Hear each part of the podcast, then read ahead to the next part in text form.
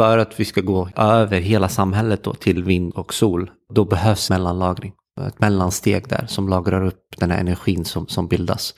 Och jag tror definitivt att batterier kommer ha en väldigt stor roll i den transformationen.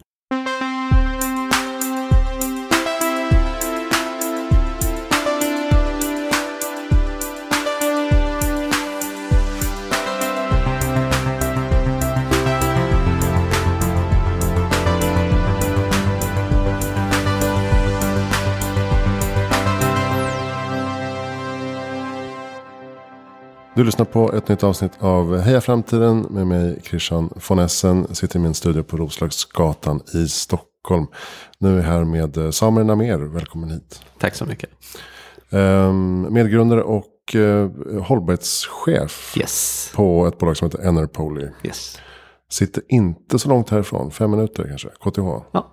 Vi hoppar in där direkt. Uh, grundades 2018. Ja. Och eh, vad var grundtanken då?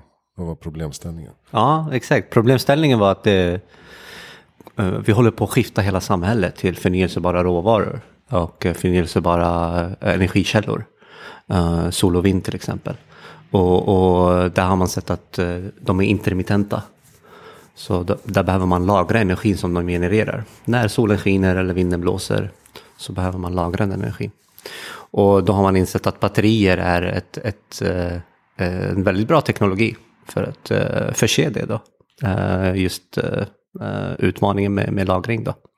Det finns olika energilagringsteknologier och batterier är den som, som har vunnit mest mark. Då.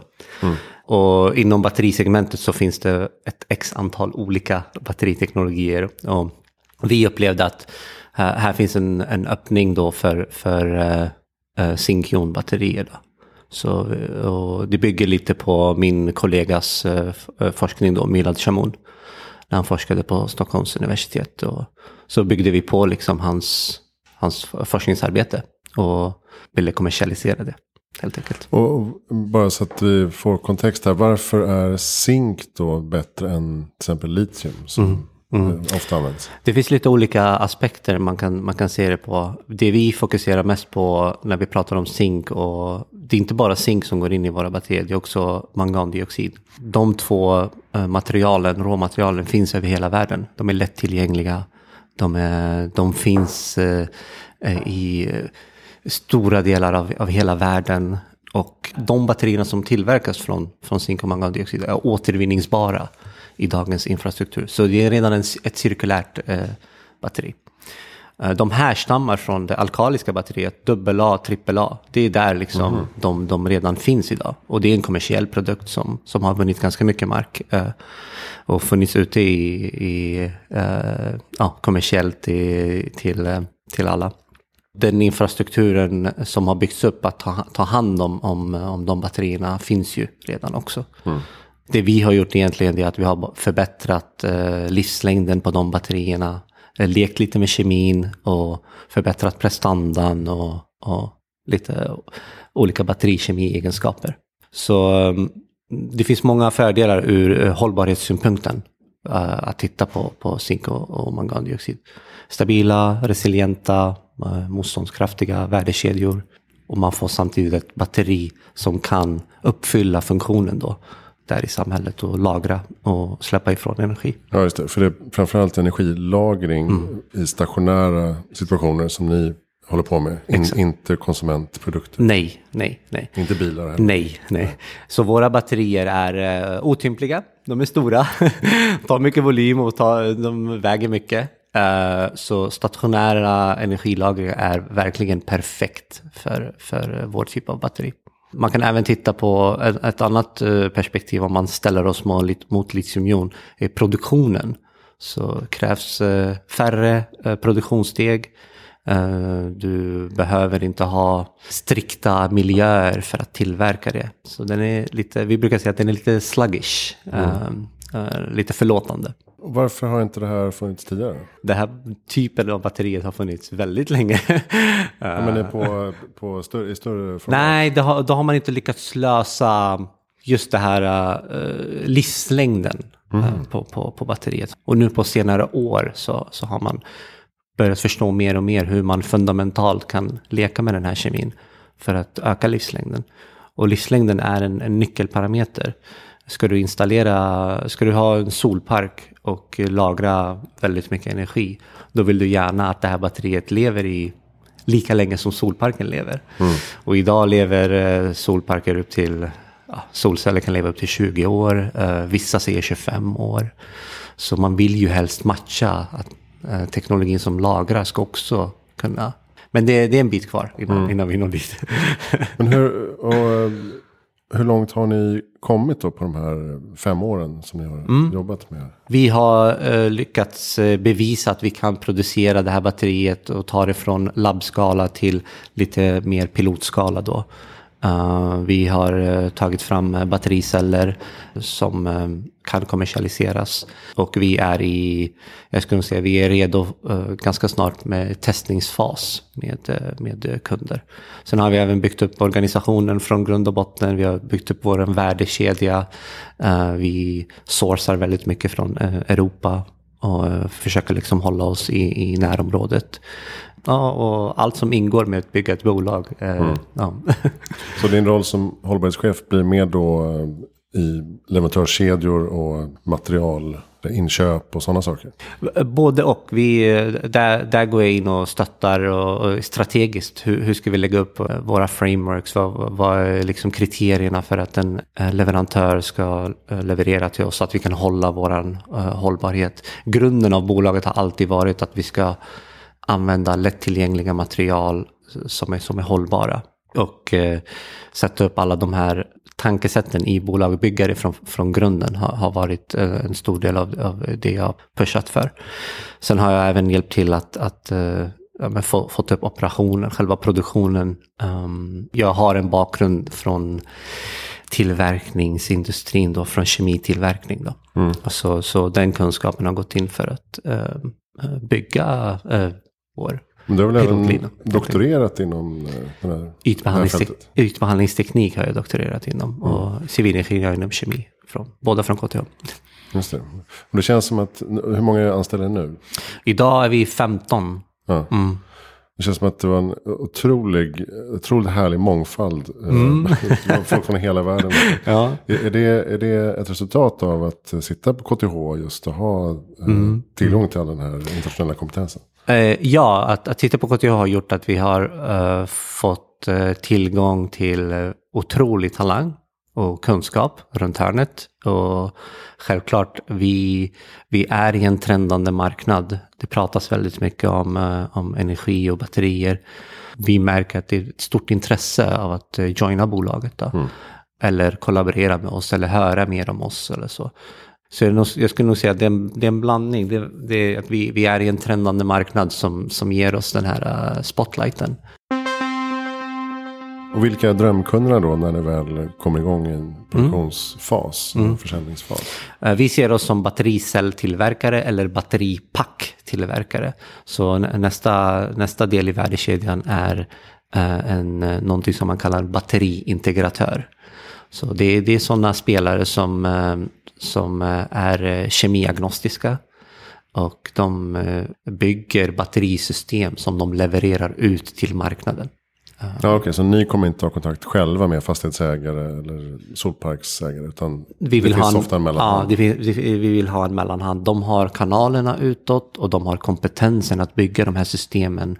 De har redan eh, den kunskapen så det är bra liksom att, att samarbeta med dem då. Mm. Så ni ser det som att ni är en del av ett större liksom, elektrifierings och eh, energitransformationsparadigm på något sätt. Där kommer finnas massa olika lösningar. Men där då zink, mm. ion, batterier mm. är eh, en viktig pusselbit. Helt enkelt. Ja, ja, vi ser att våra, vår, vi ser det ganska tydligt att vår kemi passar väldigt bra när man vill man pratar om uh, uh, urladdningstider när, när man pratar om batterier. Och, och, när, man, när man har ett batteri i en bil så vill man att energin släpps ut ganska fort när man trycker på gaspedalen. Mm. Uh, våran typ av, av batteri så vill vi att man ska lagra det och släppa ut det under en längre period. Så, så våra nisch är två till tio timmars urladdning. Och då kan man tänka sig att man har solenergi eller solceller där solen skiner på dagen, lagrar energin i de här batterierna då. Och sen när solen börjar gå ner då börjar man suga ut energin sakta men säkert under en lång period. Och stabilisera elnätet helt enkelt. Där ser vi att, att det är väldigt passande för oss. Så den nischen då. Mm. Mm. Hur utvinner man zink? Är det, är det samma typ av gruv, mm. gruvprojekt som andra metaller? Uh, ja, uh, vi utvinner zink i, i, uppe i norr till exempel. Uh, vi har zinkgruvan i, i Sverige. För inte så länge sedan så upptäckte man väldigt stora zinkdepåer i Dalarna. Och eh, Boliden eh, har, har väldigt mycket, mycket eh, zink som de utvinner. Samtidigt så, så återvinner vi väldigt mycket eh, zink. Så zink går inte bara endast in i, i den här typen av batterier. Det är, det är, en, det är en eh, metall som, som används eh, i massa olika applikationer. Eh, legeringar eller och den finns redan ute i, i marknaden. Och, och vi har väldigt, blivit väldigt duktiga även på att återvinna zink. Så det finns nya strömmar av zink som man utvinner och samtidigt så finns det återvunna strömmar som går in då. Men eh, ja, zink finns i väldigt stora delar av hela världen skulle jag säga.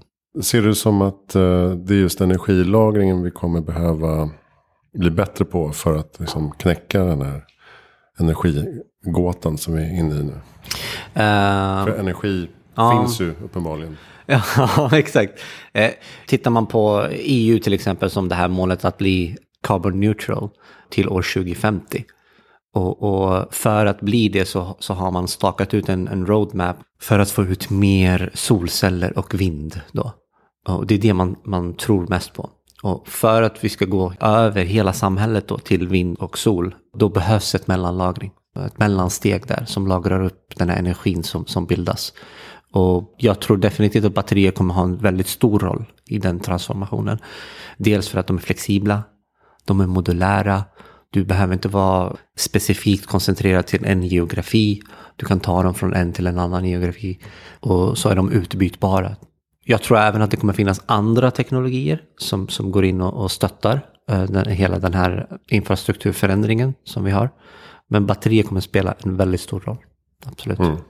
Och vätgas är en annan. Vätgas kommer, kommer troligtvis också spela en, en, stor roll. Både i, i lagring och eh, där måste man knäcka, väldigt mycket pratas om att man måste knäcka effektiviteten av, eh, av eh, lagringen i, i vätgas. Då. Ja, för att det, man, effektiviteten sjunker. Ja, man, man förlorar, eh, ja man ställer dem mot andra teknologier. Då. Mm. Eh, men det jobbas väldigt hårt på, på, det och säkerligen kommer någon knäcka den koden. Mm. och, och, och, då kommer den tekniken också finnas med i, i mixen. Känns det som att um, Sverige en intressant plats för detta um, forskningsfält och um, som en del i det här hållbara skiftet. Trivs ni bra i ja, att verka i svensk kontext? Allting är det lättare att vara i Sverige. Vi är ja. väldigt organiserade och strukturerade. Bara liksom att ja, 2018 när vi skulle starta ett bolag så fanns det en mängd eh, inkubatorer som stöttar en, en eh, väldigt tydliga mallar på verksamt.se till exempel. Mm. Väldigt tydliga mallar som man kan ta, ta del av. Så samhället har gjort, underlättat, sparat väldigt mycket tid om vi säger så, eh, åt oss. Och sen just det här hållbarhetsskiftet. Sverige är ju känt för, för att ha skiftat till vattenkraft och, och, och sådana energikällor ganska tidigt. Vilket gör att uh, när, när jag är ute och reser och pratar uh, på konferenser eller events så, så pratar väldigt många om att Sverige är i framkant när det gäller hållbarhet. Alla ser oss på det sättet. Så ja, det har gjort det mycket enklare att eh, arbeta med någonting som är hållbart i och med hela samhället är eh, eh styrt åt det. Mm. Mm. Kommer vi få se zinkbatterier till och med i eh, privathushåll tror du? För, förhoppningsvis ja. Uh, en av de största fördelarna vi har uh, är att uh, det finns ingen risk för en termisk brand som, som kan hända på, på litiumjon till exempel. Med, med den egenskapen så kan man tänka sig att det här batteriet är bra lämpat för hem och hushåll. Då behöver man tänka på att vårt batteri är lite större idag, så man behöver tänka på att det ska, det ska finnas ett utrymme för det.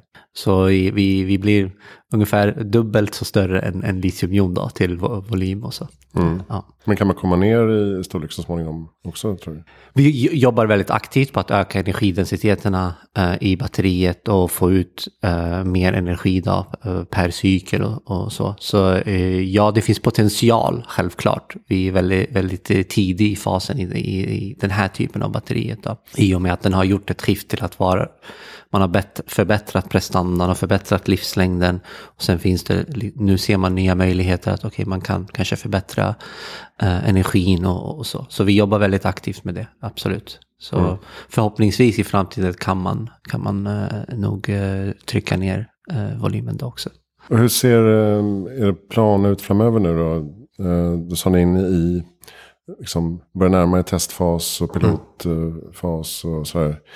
Finns det en konkret plan för hur det här ska rullas ut? Ja, vi har aktivt arbetat med eh, att säkra upp x antal olika batteriintegrerade eh, som finns lite här och var. De flesta är i Europa.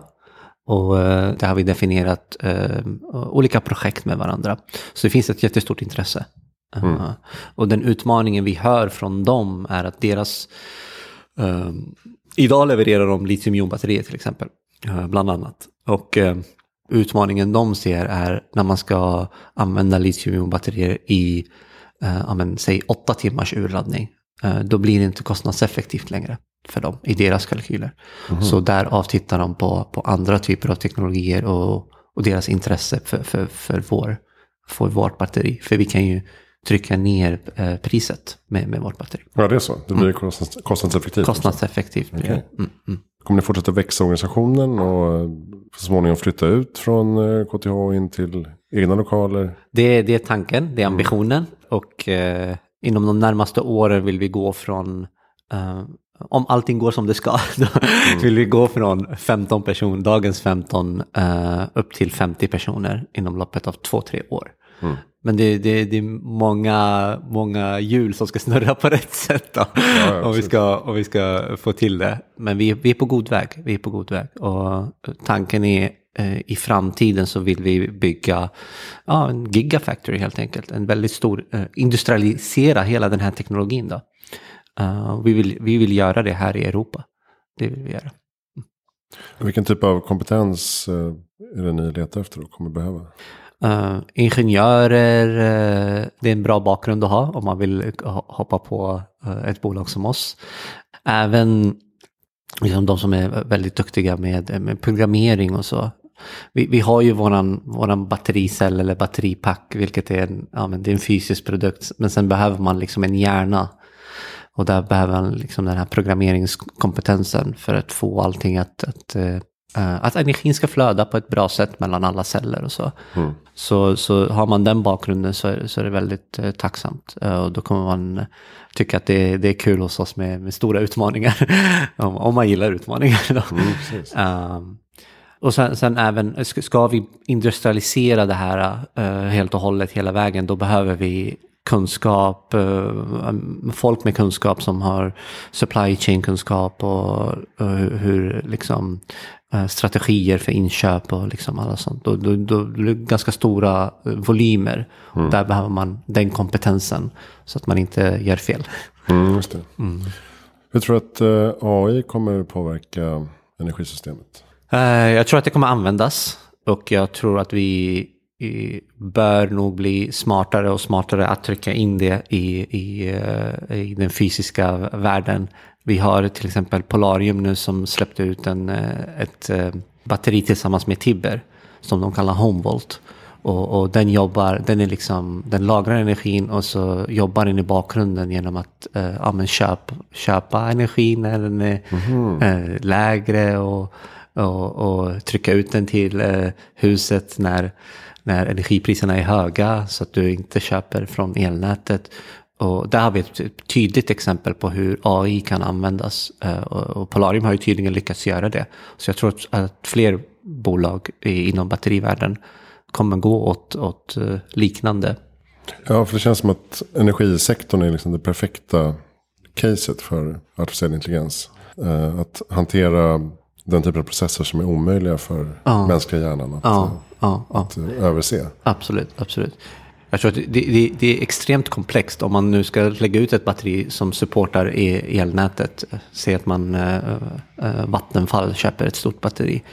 Och sen ska det finnas en AI där som ska räkna på i bakgrunden på massa olika komplexa energimixar och, och eh, olika zoner. Och, ja, det kan vara behjälpligt och det kommer krävas väldigt mycket utveckling också mm. för att få in det, absolut. Men jag, jag, tror att vi rör oss ditåt, absolut. Mm.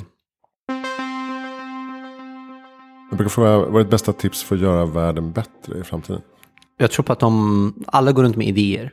Och eh, jag tror att man, eh, man ska bara, har man någon idé som man tror kan hjälpa till världen eller ja, eh, några individer, så våga satsa. Börja, börja smått och, och stega upp därifrån, um, skulle jag säga. Våga bara.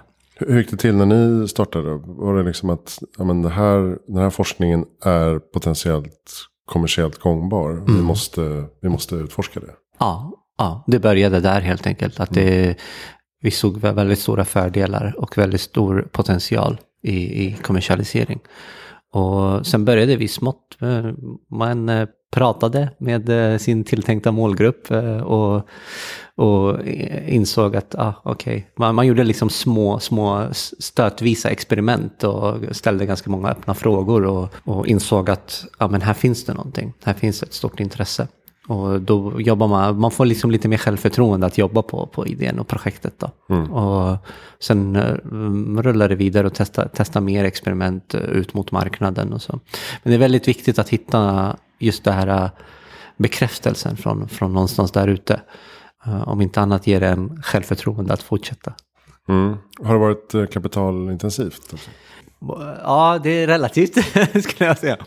Vi har, vi har eh, rest eh, två rundor från ex, externa eh, investerare. Då. Och sen har vi även eh, attraherat bidrag från Energimyndigheten, Vinnova och eh, även Europeiska kommissionen som har gått in. det finns fantastiska instrument där, eh, där ute som stöttar Uh, speciellt på, på Europanivå. Uh, mm. uh, European Innovation Council. Där, där finns det, det är en väldigt bra hemsida och det, man kan se vilka program de satsar på. Och, som, som jag nämnde tidigare, strategin för Europa att bli klimatneutral år 2050.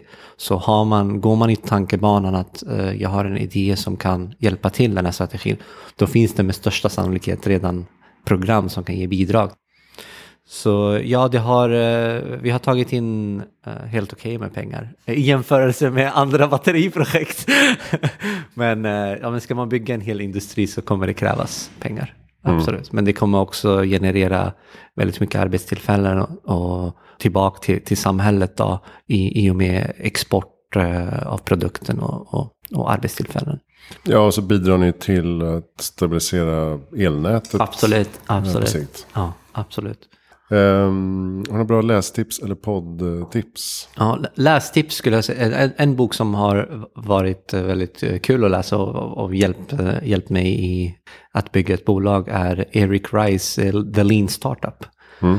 Där han ger inblick i hur han startade ett bolag och alla fallgropar och liksom. Så det var, det var ganska bra att läsa den. Jag brukar lyssna väldigt mycket på energipoddar. Mm. och det är en podd som jag lyssnar på ganska mycket är Gerard Reeds uh, Redefining Energy. Mm. Den, um, pratar de liksom om uh, utmaningarna i uh, att bygga det här nya energisamhället då. Och vilka möjligheter också som finns där ute. Och ser du liksom en tydlig vision att vi går åt rätt håll eh, på den fronten? Eh, det tycker jag. Det tycker jag. Vi eh, sakta men säkert eh, så, så, så, går vi bort ifrån de här fossila eh, källorna. Um, och ehm, eh, ja, det ligger lite högt upp liksom på, på politikernivå, liksom, vart, vart man ska bestämma, bestämma och styra.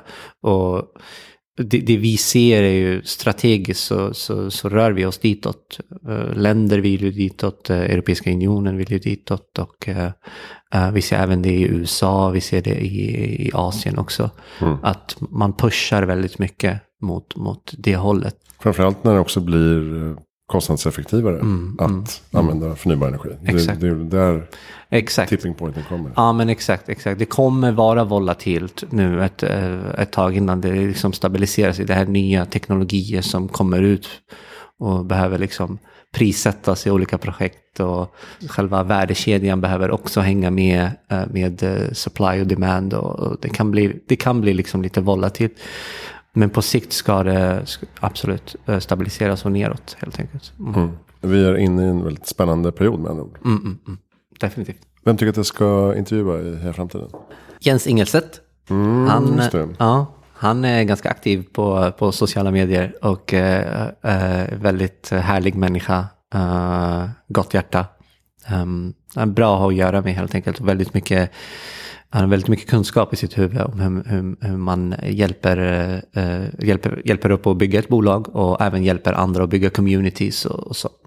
Så mm, han, kan, han kan nog bidra med, Just det, och även numera fristående konsult också. Mm, Och ska ja. starta eh, fond för... Ja, Startups och scale-ups. exakt. Han, är, han är väldigt driftig, ambitiös och, och har alltid nya saker på gång. Och, eh, ja, det, man kan lära sig väldigt mycket av att ha ett samtal med honom tror jag. Mm. Superbra. Då ska vi avrunda tror jag. Tack snälla Samir Namir för att du kom till Heja Framtiden. Tack själv.